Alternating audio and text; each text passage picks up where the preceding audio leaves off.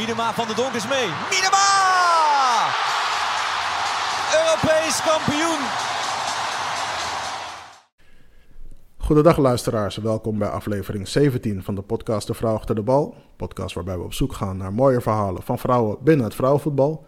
Mijn naam is Richard Lynch en ik zit hier vandaag met een speelster die op verschillende disciplines actief is of is geweest. Actief geweest als speelster bij Telstar op het veld. Hopelijk actief op het strand in het Nederlands team beachsoccer uh, op korte termijn. En last but not least, als kerst op de taart, uh, nog steeds actief bij FC Marlene in de zaal. En Record International Futsal bij Oranje. Aike Verschoor, welkom. Ja, dankjewel. Leuk dat, dat ik uh, hier mag aanschuiven. Ja, dat was een hele mond vol met mijn intro. Heel veel verschillende dingen gedaan. Ja, we gaan die verschillende disciplines gaan we zo meteen ook allemaal bespreken. Um, ik heb deze podcast ingedeeld als wedstrijd. Dus we beginnen zo meteen met de warming-up. Uh, die bestaat uit drie stellingen. Daarna gaan we naar de eerste helft, de rust, de tweede helft. In de tweede, in de tweede helft zit een farmoment. En daarna gaan we naar de blessuretijd. Oké. Okay. Dus als jij klaar bent voor de warming-up en de stellingen, dan uh, hoor ik het graag. Zeker, ben ik klaar voor. Voedsel voor vrouwen is een ondergeschoven kindje in Nederland en Europa. Eens of oneens? Eens. Een wedstrijd beachsoccer is zwaarder dan veldvoetbal en voedsel. Eens of oneens? Eens. Oké, okay. en de laatste. Ten opzichte van mijn periode op het hoogste niveau op het veld is er zeker verbetering geboekt, maar ze zijn er nog lang niet in de Azerion Vrouwen Eredivisie. Eens of oneens? Mm, vind ik lastig, maar ik ga voor oneens. Oké, okay, nou. Voedsel, een ondergeschoven kindje in Nederland en Europa. Zijn je eens? Vertel. Ja, ik denk als je kijkt. Uh...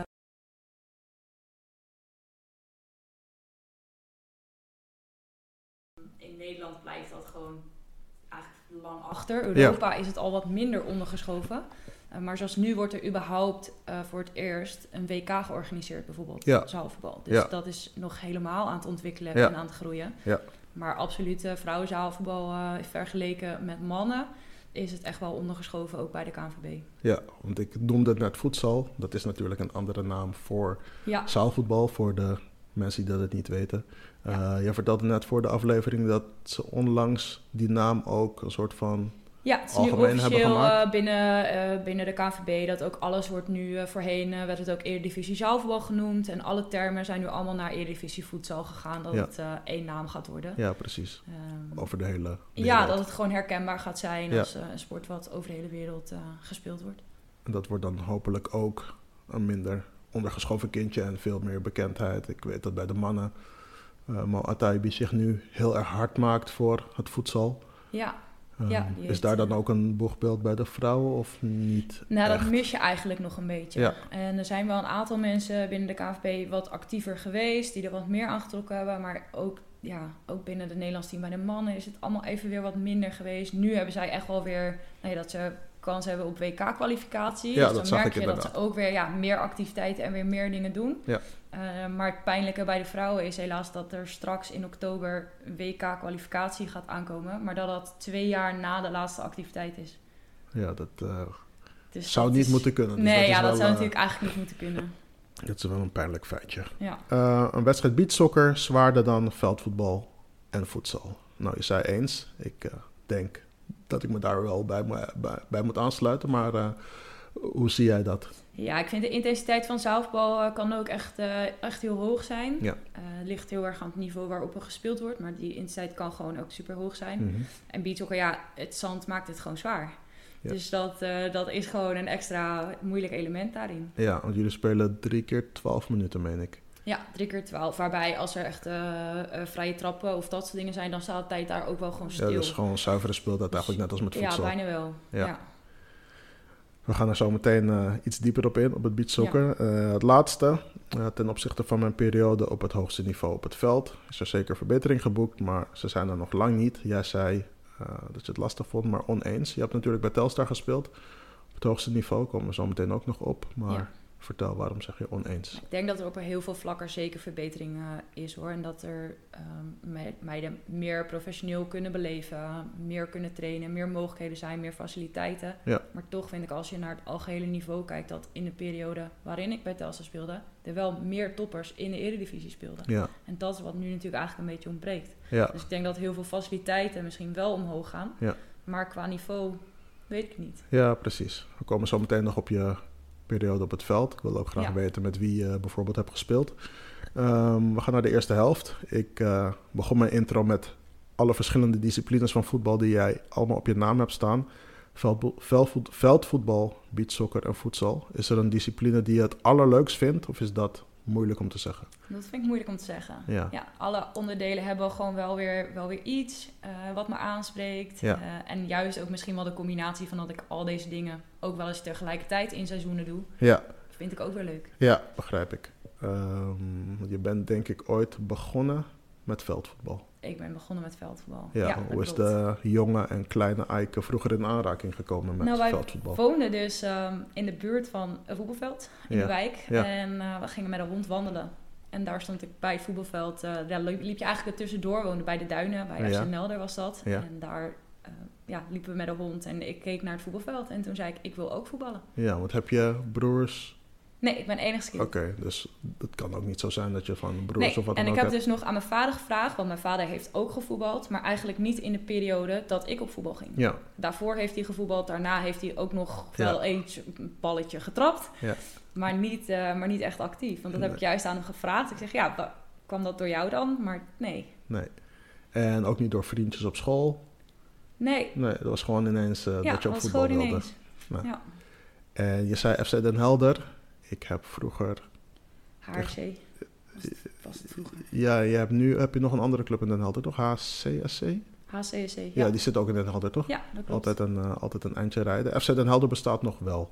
toch? Ja, FC Ja. Helder bestaat nog. Dat is, eh, vroeger zijn eh ja, HRC en Helder, die zijn samen gegaan tot, en ook trouwens. WGW FC ken ik ook nog, ja. Ja. Ehm, Oké, duidelijk. Waar heb je allemaal gespeeld voordat je, we hadden het net over Telstar, voordat je bij Telstar terecht kwam? Ja, nou eigenlijk bij, eh, bij twee verschillende clubs. Want ik heb tot en met mijn zestiende eh bij de jongens gevoetbald Mhm. bij eh, nou ja, wat dan FC werd. Ja. En daarna heel lang bij Rijgboys Reiger Boys is Herugewaard. in Heergewaard. Ja. ja. Oké. Ja. Ik heb ehm, data aangeleverd gekregen van mijn ja, soort van data-analyst Salman. En Ja. dan zie ik dat je in de seizoenen dat je bij Telstar hebt gespeeld, alles in de basis bent gestart. Ja. Eh, ik zie dat je drie seizoenen op rij hebt gespeeld in de Beneliga en daarna werd het eh, de Eredivisie. Eh, hoe komt het dat er na het laatste seizoen bij Telstar geen vervolg werd gegeven aan jouw tijd daar? Ja, ik heb in het laatste seizoen dat ik bij Telstar voetbalde, heb ik de sportschool overgenomen waar ik eigenaresse ben. Ja. Ehm, dat heb ik in december gedaan. Dus ik heb dat seizoen wel gewoon nog nou ja, alles gecombineerd. Ja. Ehm, en op dat moment eh, ja, eigenlijk besloten dat ik verder gewoon eh, nou ja, met de maatschappelijke carrière verder ging. Ja. Ehm, ik heb inderdaad alle wedstrijden bij Telstar eh, in de basis gestart. ja, ik vond het een vrij opvallende statistiek en opeens Ja. was er geen eredivisie meer. Dus ik dacht, ik moet die vraag wel even stellen van wat ja, is daar het, is gebeurd? Ook, het is ook zo dat ik daar ook gewoon ehm, in één keer stond. En dat kwam eigenlijk, toen was er nog een samenwerking met de amateurverenigingen en de BVO's. Ja. En Telstar had die samenwerking met Rijgboys. Mhm, En er is enig moment in het seizoen geweest, toen raakte Sharon Kok geblesseerd. Die scheurde haar kruisband. mhm. En toen dacht Gideon, maar nu ga ik niet schuiven, ik Nee. zet gewoon Eik daar neer. Ja. Dus toen deed ik nog, nou ja, vanaf februari of zo, Ja. toen deed ik nog alles. Eh, als het eh, op vrijdag een zaalvoetbalwedstrijd had, dan moest ik die misschien nog spelen. Ja. Als Telstar speelde, dan eh ging Kon, je ik daar... niet, kon je niet zaalvoetballen, maar... ik, Nou ja, dat kwam gelukkig precies goed uit. Je hebt wel soms in het tweede seizoen zelf, dan heb je daar een gat en daar Ja. een vrij weekend. En op de een of andere manier paste die puzzel heel goed in elkaar. ja. Eén keer was er en zaalvoetbal en Telstar, maar toen was ik echt toevallig was dat geschorst in de zaal. Ehm, en dan ja, op zaterdag bij Rijgenboys. ja. Dus dan, als ik dan op zaterdag moest voetballen, mocht ik op vrijdag eigenlijk 60 minuten, dat werden er dan 80 of Ja. zo. Maar daarna, nou ja, na de zomerstop, eh, volledig de keuze gemaakt om dan te stoppen in de zaal en bij Rijgenboys. En toen werd het Telstar. En daar heb ik eigenlijk dus eh, ja, alle wedstrijden gewoon eh, gespeeld. Enkele keer gewisseld voor het einde, maar bijna altijd 90 minuten ook. Ja, best wel indrukwekkend. Ja. hoe, hoe houdt jouw lichaam dat? Of hoe heeft jouw lichaam dat gehouden? Heb je ooit last gehad van blessures? Ik heb in mijn hele leven geen tien voetbalwedstrijden gemist. Oké, dat is... eh, Ja, ik ben echt weinig. de gelukkige die eh, geen kruisbanden, geen breuken, geen... ja, ik ben wel eens een keer door mijn enkel gegaan en daardoor misschien één, we- één week gemist heb. Maar dan hadden we een fijne fysio die gewoon zei, taper om en gaan. Ja. Dan mocht je gewoon weer. Ehm, dus ja, ik heb gelukkig wat dat betreft nooit, nooit wat gehad. En ik denk dat ik echt vanaf mijn... Nou, ik denk vanaf mijn dertiende of zo, denk ik wel zes keer in de week eh, ging voetballen. ja, want het is een aardige belasting. En natuurlijk ook op verschillende ja. ondergronden. Tegenwoordig heb je op veld natuurlijk gras en kunstgras. Nou, voor verschillende soorten kunstgras. Eh, Ja. nou, zaal is eh, ook niet echt een zachte ondergrond voor je ledematen. Nee, zeker niet. Ehm, maar dat is een, ja, ik denk een interessant gegeven dat je zoveel en zo lang voetbalt, maar eigenlijk nooit uitgeschakeld bent door Ja. blessures. Eh, je ziet nu natuurlijk op het veld dat ehm, ja, veel dames geblesseerd raken met eh, verschillende kruisbandblessures. Eh, vorig jaar, of eigenlijk alweer anderhalf jaar geleden, Viviane Miedema, een aantal dames van Heerenveen, eh onlangs Jill Roord Ja. van Manchester City aan het Nederlands elftal. Ehm, ja, Ja. Gelukkig is de, jou dat bespaard gebleven. Ehm, je was ook aanvoerder van Telstar, zag ik op Ja. een gegeven moment. Klopt. Eh, wat voor gevoel gaf dat jou, aanvoerder Ja. zijn? Ja, dat is iets wat wel van nature... in daarin hoefde ik niet heel veel te veranderen, zeg maar. Kijk, ik, ook vanuit de positie, ik speelde centraal achterin. Ja. Ik ben iemand die het overzicht heeft, graag mensen helpt, graag mensen aanstuurt en neerzet. Ja. Ehm, en op dat moment, eh, ja, het seizoen daarvoor, waren er nog echt... eh ja, Diane Bito speelde nog, Ja. van der Gracht speelde er nog. Maar dat was wel het moment dat van die groep veel mensen gingen stoppen. Ja, En er bleven wel een aantal mensen van over hoor. Zeker wel goede speelsters ook. Eh, alleen ik was ja, op dat moment in de ogen van de trainer degene die dat eh, moest, kon doen. moest Dus dat- regelen. ja. Ja. en dat voelde ook niet uh, Wat speelde je dan met Van der Gracht Centraal? Ja. Oké, grappig. Ja. En Dat is mijn volgende vraag eigenlijk. eh, dat tenminste, eh, met welke speelsters van nu, en ik weet niet of dat er nog een aantal zijn, eh, uit de Eredivisie heb je nog samen gespeeld? Of zijn de speelsters tegenwoordig zo jong dat er geen speelsters meer uit jouw tijd... Nou, er zijn er nog een paar. zijn? Er zijn er nog een paar. Barbara Losheid, Ja, die houdt het nog steeds eh, Ja. vol. Die keept natuurlijk nog steeds. ja. Enorm veel wedstrijden in de Eredivisie op haar naam. Eh, en Ilse van der Sande, die is weer gaan starten. Bij Utrecht. een aantal jaar eigenlijk gewoon in de topklas gevoetbald. bij En Ede dit zij, weer, toch? ja. Want waar heeft zij gespeeld? Ook bij Telstar. Ook bij Telstar, oké. Dus daar heb ik het, het laatste seizoen speelde zij Ja. bij Telstar dat ik daar was. Ja, dus dat zijn eigenlijk de enige twee die nog in Nederland eh En de keepster van Telstar nu? Want ik, ik zocht jouw beeld, tenminste ik typte je naam in op YouTube en dan zag ik iets van de voorbereiding voorbij komen. Toen zag ik Kelly Steen ook. Ja, klopt. Die heb je eh, gelijk in. Ja, nu die natuurlijk heeft op doel bij destijds ook, Telstar. eh, ja, zij zat bij, voornamelijk bij Jong Telstar Ah, ja, destijds. Maar ook wel, ook wel een aantal keer eh, ja, bij het eerste gespeeld. Dus dat Ja. klopt. Ja, en voor de rest is alleen eh, ja, in de Eredivisie denk ik niet meer. Nee, Katja Snoei speelt in Engeland. Die Ja. speelde destijds bij Telstar. Maar Ja. verder in de Eredivisie... eh Dominique Pruinenberg weer naar het buitenland. Ja. Dus ook niet meer. dus rest eh, zijn er echt wel veel mensen van gestopt. ja, er worden de dames, meiden, worden tegenwoordig ook steeds jonger natuurlijk. Ja. Dat ze hun debuut maken of dat ze op eh eredivisieniveau eh spelen. Ja. Maar mooi en leuk dat je, nou, in ieder geval met Van der Gracht, die heeft nu, nu natuurlijk een functie bij eh, AZ eh, gespeeld hebt. Eh, je noemde net Diane Bito, die heeft ook aardig wat interlands Aardig gespeeld wat, voor, ja. voor het Nederlands elftal op het ja, veld. absoluut. Die speelt nu nog bij de amateurs van Ajax. Ja. samen met een Ja. aantal andere. En voedsel ook. ja, ook nog, ja. Ja. En zij speelt bij, Bij Lusitanos. Lusitanos, ja, een tegenstander van jullie in de zaal. Ja, leuk. Volg je de Eredivisie op het veld nog een beetje? Ja, nou, ik moet zeggen, social media volgen. Ja. Zeg maar. Dus in hoeverre dat volgen is. Maar ik vind het wel leuk om de uitslagen te bekijken. eh, de doelpunten die voorbij komen. De samenvattingen soms. Ehm, maar niet dat ik echt naar wedstrijden ga. Of Nee. dat heel uitgebreid zit te kijken. Nee, je hebt een eh, druk bestaan, dus ik denk ook niet dat je daar heel veel tijd voor hebt. Nee, nou kijk, ik vind over het algemeen voetbal kijken. Af en toe ergens langs het veld Ja. gaan staan vind ik best leuk. Ja. Maar Dat, eh, ja. En met de nieuwe deal van ESPN is het op zich ook goed te volgen eh, op tv. Want Ja. eh, er worden steeds meer wedstrijden live eh, uitgezonden. ja, dat is wel echt een goede stap, denk ik, Ja. voor de Eredivisie. Dat denk ik ook. Van het groene gras gaan we naar het uh, Mullenzand voor het beachsoccer. We hebben daar net even kort over gehad. Hoe ben je hier ingerold? Ja, een jaar of tien geleden, er, er worden altijd in Nederland gewoon diverse toernooien georganiseerd. Mhm. En ik denk dat wij, in, ja, ik denk tien jaar geleden daar met gewoon een random groep vriendinnen eigenlijk aan begonnen zijn. Ja, En ehm, ja, dat is gewoon weer een heel ander spelletje, maar wel een heel leuk spelletje. Plus Ja. het is dan lekker in de zomer. ja je kunt eh, ja, dan een soort van kiezen wanneer je het veld opgaat. Ehm je zegt het is een heel ander spelletje. Kun je de luisteraar eens meenemen in de grootste verschillen tussen veldvoetbal en beachsoccer? eh, los van de ondergrond natuurlijk. Uh, nou, beachsoccer wordt eh, gespeeld eigenlijk meer op een veldgrootte, wat meer te vergelijken is met zaalvoetbal. Mhm. Dus ik denk dat mensen daar misschien eerder een beeld bij hebben hoe Ja. groot een uh, sporthal is ongeveer. Eh, en dus ook eh, vijf tegen vijf, vier en een keeper. Ja. Ehm, ja, waar je op het veld, eh, als iemand op het veld de hele tijd lopjes gaat geven of zo, dan denk je, nou hou eens op, voetbal is normaal. Ja, Maar ja, op het zand is dat zo gek nog niet. nee, daar moet het bijna wel. Ja. Is er, eh, op het, is er iets eh, wat op het strand juist wel kan, maar op het veld totaal niet? Van heel veel hoeken op het veld een omhaal maken. Ja, Ik denk dat dat een van de dingen is wat beachsoccer heel anders maakt dan... eh, kijk, je Ja. ziet eh, als iemand op het veld een omhaal maakt, dan...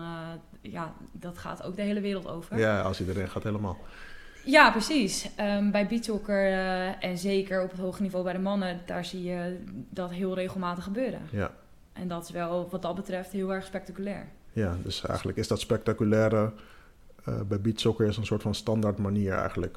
In ieder geval bij de mannen om te scoren. Want eh, op het veld eh, schiet je een bal, Ja. ik zeg maar wat, van eh 12 meter of van de 16 meter het doel in. Ja, zeker. En, En bij zijn is het een omhaal. eh, ja, er zijn ook echt op internationaal niveau bij de vrouwen ook echt heel veel meiden die dat... eh, ik moet zeggen, ik heb het zelf ook gewoon na mijn dertigste... Ik, ik heb nooit een omhaal gedaan. Ik was Nee. helemaal niet zo'n type voetballer die Nee. dat ging doen. Maar ik heb na mijn dertigste ook gewoon leren omhalen. Ja, Ja. dat is toch ook leuk, dat je dan weer wat leert. Ja, precies. Je bent in dat opzicht nooit eh, te oud om te leren. Nee, En nee. Met die verschillende disciplines die je uitvoert, ehm, ja, is, dat toch een, eh, is dat toch een mooi feitje. Speel je Ja. eh, op het strand ook achterin?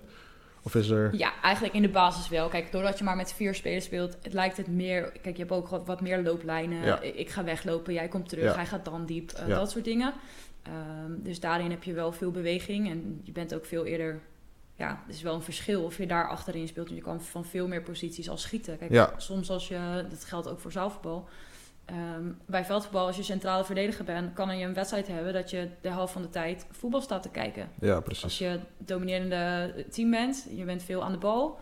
Ja, sta je soms rond de middenlijn. En Ja. af en toe komt hij wel bij je terug en dan speel je hem weer diep. Maar ja, zowel bij beachsoccer als bij voedsel merk je gewoon dat je veel minder tijd hebt om voetbal te kijken. Ja, precies. precies. Ehm, hoe is het gesteld met het niveau van Oranje? ehm, met beachsoccer als je kijkt naar andere landen in Europa of in de wereld? Ja, de laatste keer, eh, afgelopen jaar, hebben ze eh, EK gespeeld. Daar kon ik helaas niet bij zijn eh, vanwege werk. Uh, maar toen zijn ze zevende geëindigd. En dat is eigenlijk ehm, ja, net iets te laag. We zijn één keer zijn we ook derde geëindigd Ja. op, op een internationaal toernooi op EK. Ja. En ja, er zijn echt twee landen, Spanje en Engeland, die in beachsoccer heel erg erbovenuit steken. Ja. Maar daaronder zit eigenlijk een hele groep. Italië is nu veel aan het investeren, dus die zijn ook wel echt aan het groeien. Mhm. Maar daaronder zit eigenlijk een hele groep waar we ons als Nederland zijn er best wel mee kunnen meten. Ja, En dat zijn dan landen als Tsjechië, Oekraïne doet het veel. Ehm, ja, Italië is wel echt aan het investeren, dus die maken ook wel meters, merk Ja. je dan wel vrij snel. Ja, dus dat... ehm, en wat is de eerstvolgende activiteit? Want ik zei net hopelijk, eh, die op het, eh, Ja. op het programma staat. Ja, nou, er zijn in die zin wel eh, ook wel weer ontwikkelingen. Want ze zijn ook iedere keer weer vanuit de Beachsoccerbond, wat eigenlijk gewoon een hele kleine organisatie is, zijn Mhm. ze iedere keer ook weer in gesprek met de KNVB. En op dit moment heeft de KNVB ook geopperd om eh, nou ja, wel te kijken naar een samenwerking, maar ook met de NOC-NSF. En dat beachsoccer zelfs wordt voorgedragen als potentieel Olympische sport. Oké, want Dus dat ja, is dat- het nog niet officieel. Nee, dat is het nog niet officieel, maar dat zou natuurlijk wel ehm, ja, weer een, een hele grote stap zijn voor Ja. zo'n sport. Zeker. Ja, dus op dit moment is er, eh, nou ja, van de zomer uiteraard weer, worden er weer toernooien georganiseerd. Is er weer een eh ja, Eredivisie komt er weer een NK beachsoccer. En dan Europees gezien eh, kijken of er weer een EK-kwalificatie... er zijn eigenlijk vaak kwalificatietoernooien voor. Ja. En dan, eh, die zijn vaak, nou, eh, nou ja, in de zomer, vakantie niet zozeer, maar vaak wel september, Ja. die periode. Ja. Ehm, Dan gaat het weer, ook, eh, dan eh, gaat ja, het weer van vaak ook in start. juni, juli als, als net de veldvoetbal een beetje allemaal klaar is, zeg maar. Een zomerstopdingetje eigenlijk. Dan eh, stroomt het beachsoccer in en dan eh, ja, kan je eigenlijk gelijk door. Want zaal is dan eigenlijk ook al klaar, toch? ja zo is ook periode. klaar. Ja, dat loopt eigenlijk nagenoeg gelijk gewoon aan het veldvoetbalseizoen. Ja. Nou, na de verhalen over het mulle zand eh, gaan we naar de rust. Ehm, Lekker. hoe vind je de podcast tot nu toe? Ja, leuk. Ja? Het is grappig om op deze manier gewoon eens eh, over, eh, over voetbal te praten. En als je normaliter een interview, dan is het soms al na de wedstrijd. En ik, Ja. ja. ja, dan zit je soms toch in emotie. Ik merk ook dat ik wel eens dan, nou ja, de Sjaak ben als je dan geen lekkere wedstrijd hebt gespeeld of juist verloren of zo. Voor mijn Ja. gevoel ben ik dan altijd aan de beurt. Ja, ja, precies. Dus eh, het is ook wel eens lekker om gewoon zo zonder eh, alle emotie en eh, na te denken en te praten over voetbal. Ja, begrijp ik. Ehm, wat maakt het, los van wat je net zegt, anders dan normale interviews? Nou ja, ik denk dat sowieso bespreken we natuurlijk veel verschillende dingen. Dus Ja. vaak als ik een interview heb, dan, dan gaat het natuurlijk over Puur, één specifieke wedstrijd of, of een specifiek iets wat er aan zit te komen in de voorbereiding misschien. Ja. En nu eh, ja, kan je eigenlijk gewoon eh, veel breder en veel rustiger eh, dingen bespreken. Fijn. Ja. We gaan naar de tweede helft. Ehm, we gaan naar de laatste, maar zeker niet onbelangrijkste discipline waar je ook een aardig balletje in kunt trappen, voedsel. Wat vind je zo leuk aan voedsel? Ik denk dat ik het leukste aan voedsel vind dat er, ehm, het klinkt misschien heel raar, want vaak denk je bij zelfbal heel erg aan technisch. Ja. Maar ik vind zelfbal dus ook heel erg tactisch. Mhm. Omdat je gewoon heel veel dingen eh, vooraf kan bedenken. Kijk, je hebt wel eens, bij veld zie je wel eens dat mensen een corner echt een plan hebben, zeg Mhm. maar. Ja. En natuurlijk gaat er een handje omhoog of hij gaat naar de tweede paal of de eerste paal. Ja, Maar bij zelfbal zit daar zoveel meer in, zeg maar. Dan, daar zijn zoveel meer opties. Dat kan met een intrap, dat kan met een vrije trap. En ik vind het heel leuk om dat soort dingen te oefenen en te bedenken. En als dat dan lukt in het veld, is dat extra leuk. ja dat eh, kan ik goed begrijpen. Ik eh, ja, schets het een beetje met mijn eigen verleden. Ja, En ehm, wat je zegt, het technische, daar kent eigenlijk iedereen zaalvoetbal van. Van eh, panna's en acties en eh, ja. AK3000 en allemaal acties die je voorbij ziet komen. Maar Ja. ehm, tegenwoordig en helemaal toen ik naar een eh, eindtoernooi van de Nederlandse mannen keek, toen was het ook zakelijk en looplijnen en loopacties en ehm, eigenlijk veel minder het technische Ja, gedeelte. is wat iedereen. heel, eh, erg, eh, heel erg aan het verschuiven. Ja. Je merkt ook gewoon dat zelfbal in de afgelopen, nou ja, laten we zeggen, tien jaar ook bij de mannen eh, veel fysieker is geworden. Ja. Dat mag natuurlijk alles. Voorheen mocht je een sliding maken om een bal binnen te houden. Nu Ja. mag je gewoon bal, man, alles. Ja. Alles is daarin toegestaan. Dus je merkt, en zeker internationaal niveau, dat het veel fysieker is. De intensiteit is heel erg omhoog gegaan. Ja. Eh, ja, dus van, van kroegsport eigenlijk. Zo denk ik dat zelfbal voorheen vooral werd gezien. Lekker Ja. balletje trappen, lekker, lekker trucjes doen. Ja. Ehm, tuurlijk is het fantastisch dat nog steeds hele technische mensen dat spelen. Want je blijft gewoon hele mooie dingen zien daardoor. Ja. Maar het is wel een beetje aan het veranderen. En ehm, ja, je hoort ook wel eens op het veld dat als er een overtreding is, dat iemand tegen de scheids zegt van scheids, eh, het is geen zaalvoetbal, maar die Nee, dat gaat al lang term, niet meer. die term kun je eigenlijk ook niet meer gebruiken, Nee. want eh, zaalvoetbal is wat je net zegt eh, veel fysieker geworden. Ja, ik denk dat je misschien juist wel door de kleine ruimtes veel vaker in duels zit dan op Ja. het veld. Ja. Ja. En ik vroeg net wat je er zo leuk aan vindt, maar eh, je bent er dus blijkbaar ook goed in. Eh, ik gaf in mijn intro aan dat je record interna- international bent. Ja. Eh, hoe lang kom je al uit voor Oranje en hoeveel inter- interlands heb je? Eh, nou, ooit in 2008, 2009 heb ik eh, drie interlands gespeeld. Ja. Ehm, toen eh, ook echt vet leuk, want dat was meteen tegen Spanje. Ehm, en ook naar Spanje toe gingen we zelfs. Toen was er een gat tot 2018. Want heel lang heeft er toen gewoon geen eh, Nederlands team bestaan voor Ja. vrouwen. En op dat moment was ook het jaar dat UEFA voor het eerst een EK ging organiseren. Dus Ja. toen dacht Nederland ook, oké, dan is er weer een doel. Dan gaan we daar wel een beetje in investeren en dan gaan we daarin meedoen. Dus vanaf 2018 is het toen eigenlijk weer eh, opnieuw uh, ja, nieuw leven ingeblazen, zeg maar. Dus je bent 16 jaar in principe, als we de jaren tellen, international. Ja, Ehm, en hoeveel interlands ja, ik heb heb je? in de- 16 jaar over moeten doen om 32 interlands te spelen. Oké. Dus en dan heb ik er dus geen één gemist. Nee. Zeg maar. Ik ben er altijd, als een interland was, altijd bij geweest. Allemaal gespeeld. En dat gat waar je het over had, waar had dat mee te maken? Nou ja, ik denk dat vooral, eh, vooral een financieel ding is dat de KVB niet ging investeren in een Nederlands team waar geen officiële toernooien voor zijn. Ja, Kijk, zaalvoetbal is, is natuurlijk heel erg in ontwikkeling. Eh, maar het was nog heel jong. En op het moment dat, ja, dat er geen EK is, geen WK is, ja, Is het leuk? waar maar dan, ga je dan ja, dingen voor? Ja, dan is het Ja. voor de leuk. Ja. Eh, en natuurlijk geeft dat wel voor mensen heel veel, ja, ga je dan ontwikkelen. Maar waarvoor precies? Dus, Ja. dus dat op dat moment niks was, ja, is ook niet heel vreemd. Nee, want moet ik het zien als in dat er normaal gesproken wel oefenwedstrijden waren, bijvoorbeeld voor of na eh, toernooien, maar dat ze dat dan dus ook niet meer deden? Nee, ja, er is dus een hele kleine periode geweest waarin ze dachten, nou, dat gaan we wel opzetten. Ja. En vroeger is er ook wel, ehm, eh, je had dan wel districtsteams. En net zoals dat je dat op het veld gewoon bij de onder 15 of weet Ja. ik het, eh, in, Ja. in bepaalde districten hebt, hadden ze dat dan voor, nou, ik denk onder 23 of zo. En daar werd wel een toernooi in georganiseerd, dus dat was er wel. Dus er werd wel al een beetje gekeken, nou, wat zijn dan de, de betere meiden in het zaalvoetbal. Ehm, maar echt, eh, ja, toernooien waren er niet, dus ook geen oefeninterlands. Het is echt, eh, nee, drie keer tegen Spanje. Ja. En dat was het. Ja, want je zei dat je eerste interland tegen Spanje was. Wat was de uitslag van die eh wedstrijd? 1-6 was de eerste. 1-6, oké. Ja, maar dat voelde, dat gat was, was toen al, dat gat is nog steeds heel groot, maar dat Ja. gat was toen al heel groot. Ja. Ja. Heel groot verschil in kwaliteit. En, Ja, in kwaliteit en eigenlijk, we hebben eh, nu afgelopen december zijn we dan met de club hebben een internationaal eh, toernooi mogen spelen, omdat we afgelopen jaar landskampioen zijn geworden. Mhm. Ja. En dat is eigenlijk nog steeds hetzelfde. Ja, je merkt daarin gewoon ehm, ja, de intensiteit. Eh, op technisch vlak zijn ze beter, op fysiek vlak zijn ze beter. Dus eigenlijk gewoon op alle facetten van, van het zaalvoetbal. Ja, Dat was destijds dus ook wel het geval. ja, ja. Ik, ik had het net over het aantal interlands. Ehm, Ja. Als we het vergelijken met het veldvoetbal, dan zouden we jou moeten zien als een soort van Sherida Spitsen. Eh, die heeft natuurlijk eh 200 plus interlands. Ja. Eh, vind Ja, dat, erg? is- dat is iets te veel eer. Ja, Maar, eh, snap maar dat is inderdaad wel... eh, Ja, maar jullie zijn, ja. Beide, jullie zijn beide record international van Ja. de vrouwen. De ene met eh, de discipline in de zaal en de andere op het veld. Ja. Ehm, ik vind het ergens jammer dat het zo lang stilgelegen heeft en dat je niet stiekem meer interlands hebt gemaakt. Of maakt je dat niet zoveel uit? ja, zeker. Dat is zeker jammer. Het is eh, altijd gewoon... ehm, nou ja, sowieso heel leerzaam. Eh, en kijk, dat het in die periode zo stil heeft gelegen... dat vind ik misschien nog wel minder jammer... dan dat het nu eigenlijk zo stil heeft Mhm. gelegen. Want Ja. je ziet nu dat er heel veel landen...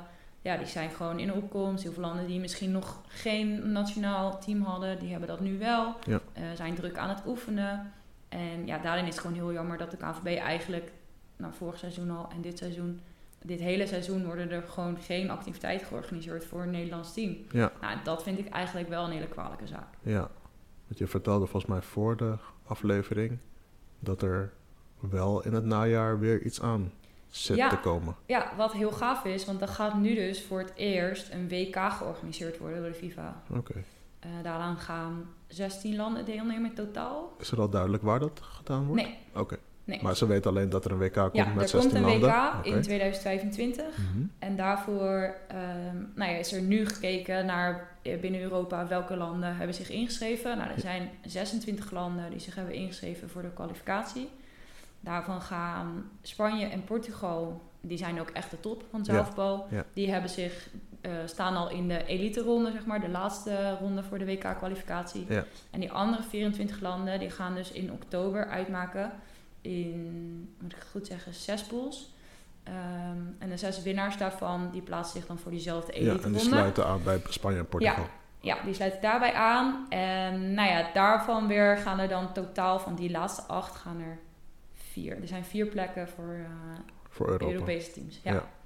Dus ja, dat wordt nu voor het eerst georganiseerd. En dat is sowieso gewoon een hele goede stap voor Ja. het zaalvoetbal in het Ja, algemeen. zeker. zeker. Ehm, maar ja, het is jammer dat daarin ehm, Nederland niet vooruit kijkt, zeg maar, niet nu al aan het voorbereiden is. Dat wordt dus pas na de zomer gedaan. Ja, En dat Dan wordt het een beetje- bijna twee jaar na de laatste activiteit van zo'n team. Ja, gaan we dan verwachten dat we daar in één keer weer helemaal staan? ja. Wordt een beetje eh, houtje touwtje aanpak en eh, kijken wie er beschikbaar is, wie kan. eh, Ja, ja, dus dat is gewoon zonde. En dat is echt een financiële kwestie. Je ziet dat nu bij de mannen gelukkig daar meer in geïnvesteerd wordt. Ook omdat ze met WK bezig zijn. dat daar steeds meer mogelijkheden zijn voor activiteiten. En ja, ik had stiekem gehoopt dat dat ook voor de vrouwen het geval zou zijn. Kijk, en het hoeft niet net als de mannen te zijn. Maar dat in ieder geval gewoon meer activiteiten zouden plaatsvinden. Al is het één keer per maand. Ja. Die bij het team zit, die zou dolgraag één keer per maand daarheen komen. Ja, precies. en dan hoeven we er niet eens iets voor. We willen gewoon trainen. Ja, ja dat zou eh, Ja. op zijn minst inderdaad iets zijn wat eh, Ja. geregeld zou kunnen worden. Maar wat je zegt, misschien in het najaar en Ja. even kijken of we Ja, laten we hopen. En dan moet je ook alweer een beetje geluk hebben qua loting. Dat je, dat je daar gewoon eh, ja, in een pool zit waar wat, wat goed is. Kijk, Italië is bijvoorbeeld echt heel veel aan het investeren. Ja. Ook bij zaalvoetbal. Eh lopen daarin ook echt wel vooruit. Sluiten veel meer aan bij Spanje en Portugal. Kijk, als je alweer met Italië in een pool zit. Ja. Ja, dan wordt het alweer... wordt het eh, alweer zeuren. Dus ja. je moet daarin ook wel een beetje geluk gaan hebben met de loting. Ja, Ehm, betreft het niveau, eh, je had het net over eh, Spanje, Portugal. Ja, Ehm, als ik het richting het clubvoetbal meet, is het niveau de afgelopen jaren dan omhoog gegaan en komt er, net als op het veld, een mooie nieuwe lichting aan? Ik denk dat eh, in de top van de Eredivisie het niveau wel hoger is. Dus als Mhm. ik zeg maar naar de clubs kijk, dat, dat wij bijvoorbeeld ook als club zijnde wel ieder jaar steeds beter worden. Ja. Ehm, maar in de breedte van de Eredivisie denk ik het niet. Nee. En in de algehele breedte van het zaalvoetbal. Er zit bijvoorbeeld een heel groot gat tussen de Eredivisie en de hoofdklasse. Mhm. Dat niveauverschil is gewoon heel groot. Want dat is het eerste dat is wat het eerste daar... wat eronder zit. Ah, ja. oké. Ja. Ja. Ehm, even kijken hoor. Ehm, ik wilde nog... Ja, je, je speelt nu natuurlijk bij FC Marlene. Ja. Ehm, wat ik las toen ik mijn onderzoek deed, is dat je het team waar je hiervoor speelde eh, uit elkaar viel. ja. Waar, Ja, speel- dat waar, speel- was- waar speelde je dat hiervoor? was best wel een dingetje. Ik speelde bij eh, Team Alkmaar. Ehm, dat was... ik denk dat de overschrijvingstermijn op dinsdagavond was. Ja. Of op woensdag. Mhm. En op maandagavond ehm, ging eigenlijk bij ons eh, de stekker eruit, werd de knoop doorgehakt van uh, ja, deze manier gaat het hem niet worden voor Ja. het nieuwe seizoen. Ja. Dus toen dacht ik eh, op maandagavond, eh, ja, Wat, ga- wat gaan we nu doen? En nu? Waar gaan we nu naartoe? Eh, ja, en er zijn een aantal clubs hier in de regio. Ehm, Amsterdam of Lustanos was misschien een optie geweest, weet Mhm. ik niet. Of ze sowieso op het laatste moment, nou ja, überhaupt of ze op me zitten te wachten. En Ja. dan ook nog zo last minute. Ja. Eh, en Marlene, ja, daar werd iemand trainer die vroeger mijn trainer is geweest. Dus die wist in ieder geval, nou ja, wat hij aan me heeft of wat voor type speler ik ben. En ehm, ja, Monique van der Rijs was op dat moment daar de coach. En ik heb vroeger met haar zelf gevoetbald ook in de zaal. Ja. Dus ik dacht, ja, ja, daar ga ik toch maar heen opbellen. Eh, ja, ik wist ook dat ondertussen, want ja, we hadden meer mensen in het team. Ik wist dat ondertussen ook een ander teamgenootje een nee te horen had gekregen. En Ja. dat ze dan nog over mij even gingen overleggen. En Ja. nou ja, dat ik dan Ja, toch want- nog wel erbij. Kijk, in principe, zo'n moment heb je je selectie al rond. Ja, normaal gesproken wel, En ja. Vlak voor de een, overschrijvingstermijn. Ja, er is niet een tweede team bijvoorbeeld bij Marlene. Dus het is ook zo, ja, als er 16 meiden zijn en er spelen er 8, ja, wil je er dan nog een paar bij hebben bij die 16. Ja. Dus dat was eh, heel erg last minute, maar uiteindelijk wel een mooie. En ben je dan uiteindelijk als enige uit jouw vorige team gegaan? Nee, er was één iemand die had al de overstap gemaakt zonder dit besluit. Ja. Dus die was al daarheen gegaan. Ja. En daar had iemand anders had er ook al meegetraind. Maar die zei eigenlijk, nou oké, ik blijf gewoon bij Alkmaar. Amy Visser is dat, ook eh, ehm, bij Telstar gevoetbald. Ja. En Lotte Hopman die had die stap al gehad. Heeft Ah, ook bij. Telstar gevoetbald. Ja. Dus wij zaten samen. Eh, zij had, Amy had meegetraind, maar die zei uiteindelijk nee, toch Alkmaar. Maar ja, toen ging de sterker eruit. Dus toen eh, was het, nou ja, oké, dan gaan we ons toch daar aanmelden. Nou ja, dat mocht gelukkig nog. Ja. We waren nog welkom. Ja, ja, wat je zegt, eh, vlak voor de overschrijvingstermijnen hebben de clubs vaak hun selectie al rond. En als we dan nog één, twee dames Ja. aanmelden, dan doet dat ook wel iets voor je huidige selectie. Want Ja. de kans op speeltijd. Ja, ik kan me ook heel goed voorstellen als je als speelster zijn twijfelt van, nou, ik weet niet goed of ik, je zit misschien net een beetje tegenaan of je je minuten gaat maken. Ja. ja ik kan me ook voorstellen dat er dan mensen denken, eh, shit, hoezo komen zij er nu ook nog bij? Ja, precies. Ja. De Ja. situatie iets verandert. Zij kunnen dan ook niet eh, echt meer switchen. Ze want kunnen ook was, niet meer eh, weg, Het was nee. last minute, maar ehm, Nee, ja, ik dus las ook, was ook voor Marlene gewoon een lastige situatie hoor, dat wij ons nog gingen aanmelden. kan ik goed begrijpen. Ik eh, had even online gekeken wat jij nu doet betreft zaalvoetbal. En ik zag inderdaad toen je daar wegging dat je ja, nog één keer die schaal omhoog wilde houden. Omdat je nog nooit lands, landskampioen geworden Ja. was. Nou, dat is gelukt, eh, zag ik. Ja, dat is zeker gelukt afgelopen seizoen. Het is eerst ook heel erg niet gelukt, want we speelden en de bekerfinale en de finale om de landstitel. En beide werden we tweede. Ja. Dus toen wisten we in ieder geval heel goed hoe zilver eh, eruit zag. Ja. En ook heel goed dat we dat niet meer wilden. Nee.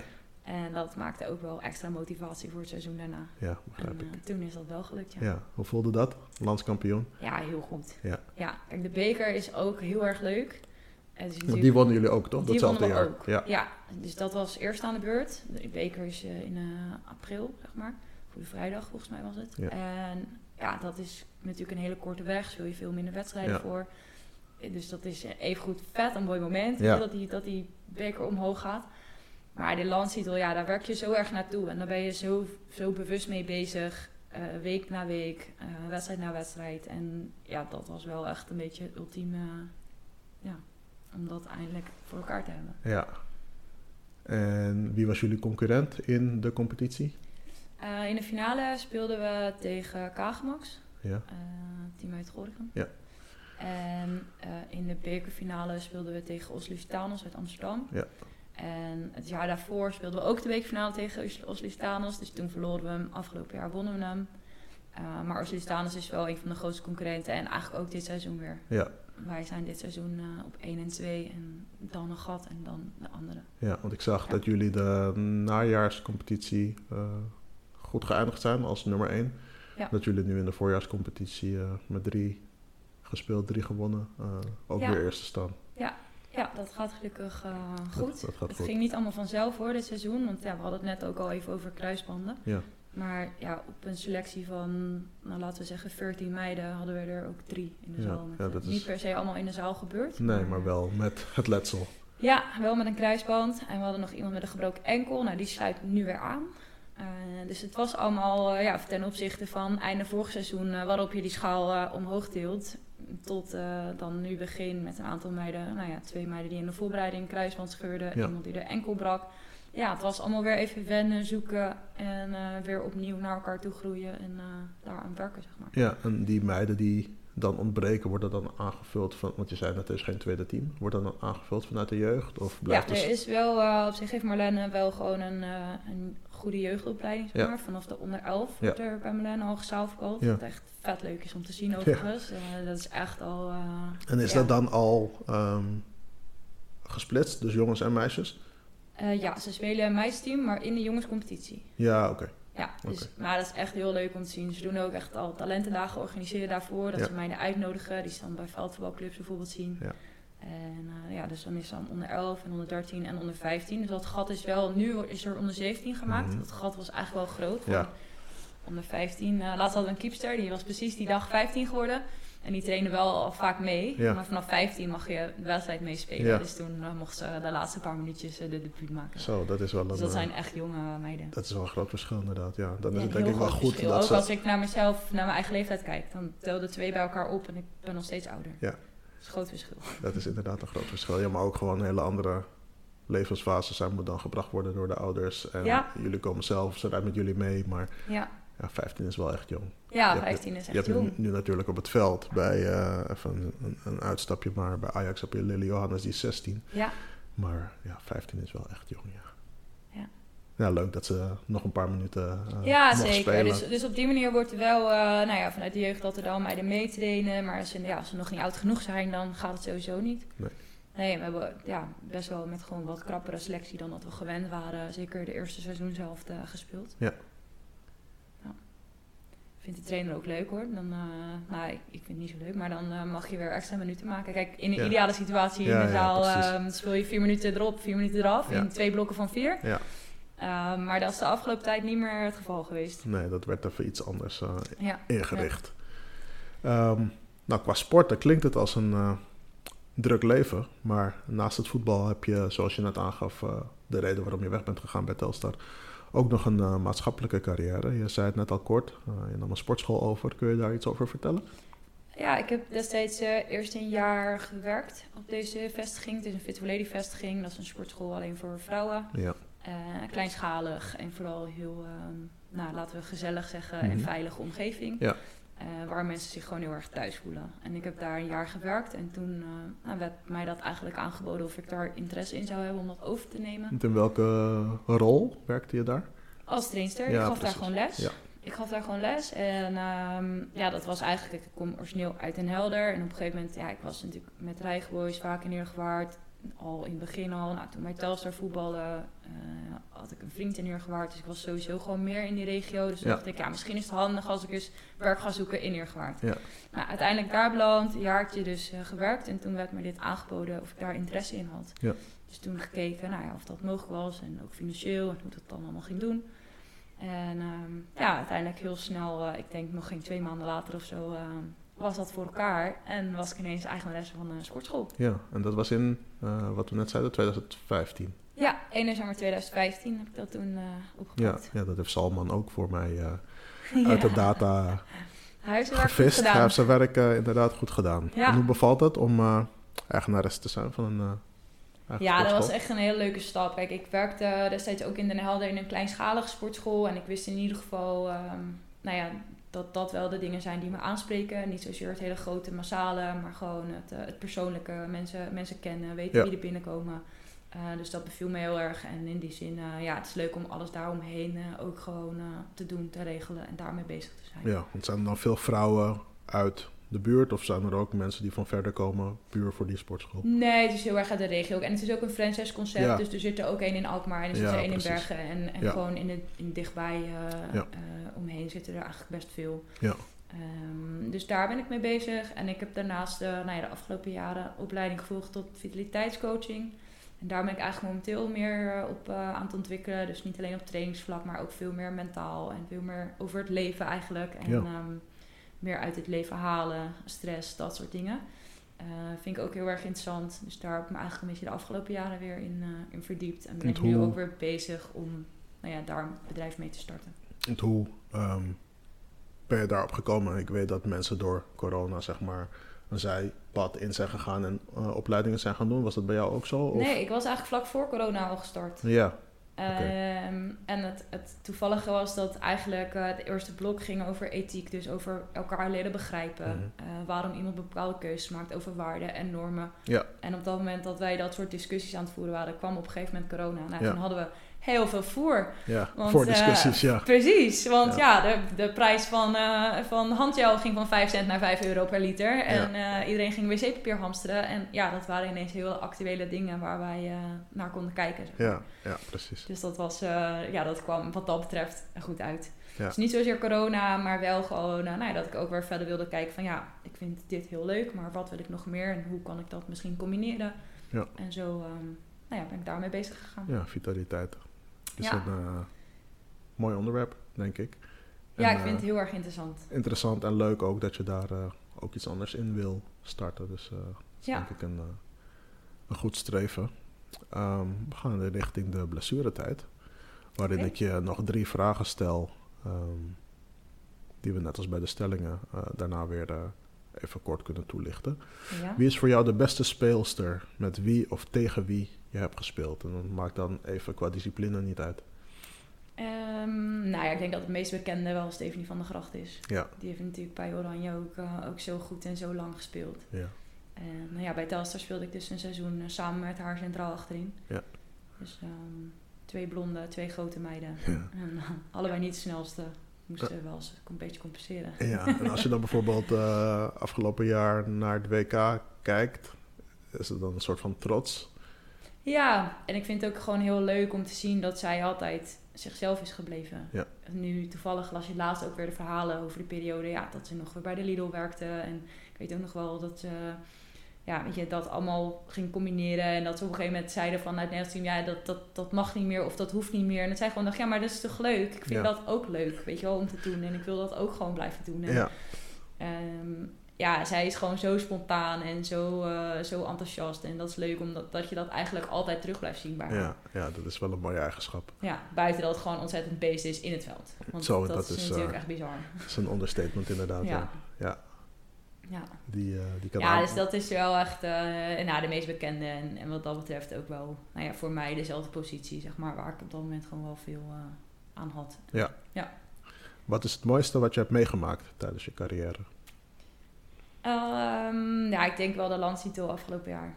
Ja. Ja, ik denk dat dat toch wel het aller... eh, ja, cirkeltje een beetje rond, zou je bijna willen zeggen. Ja.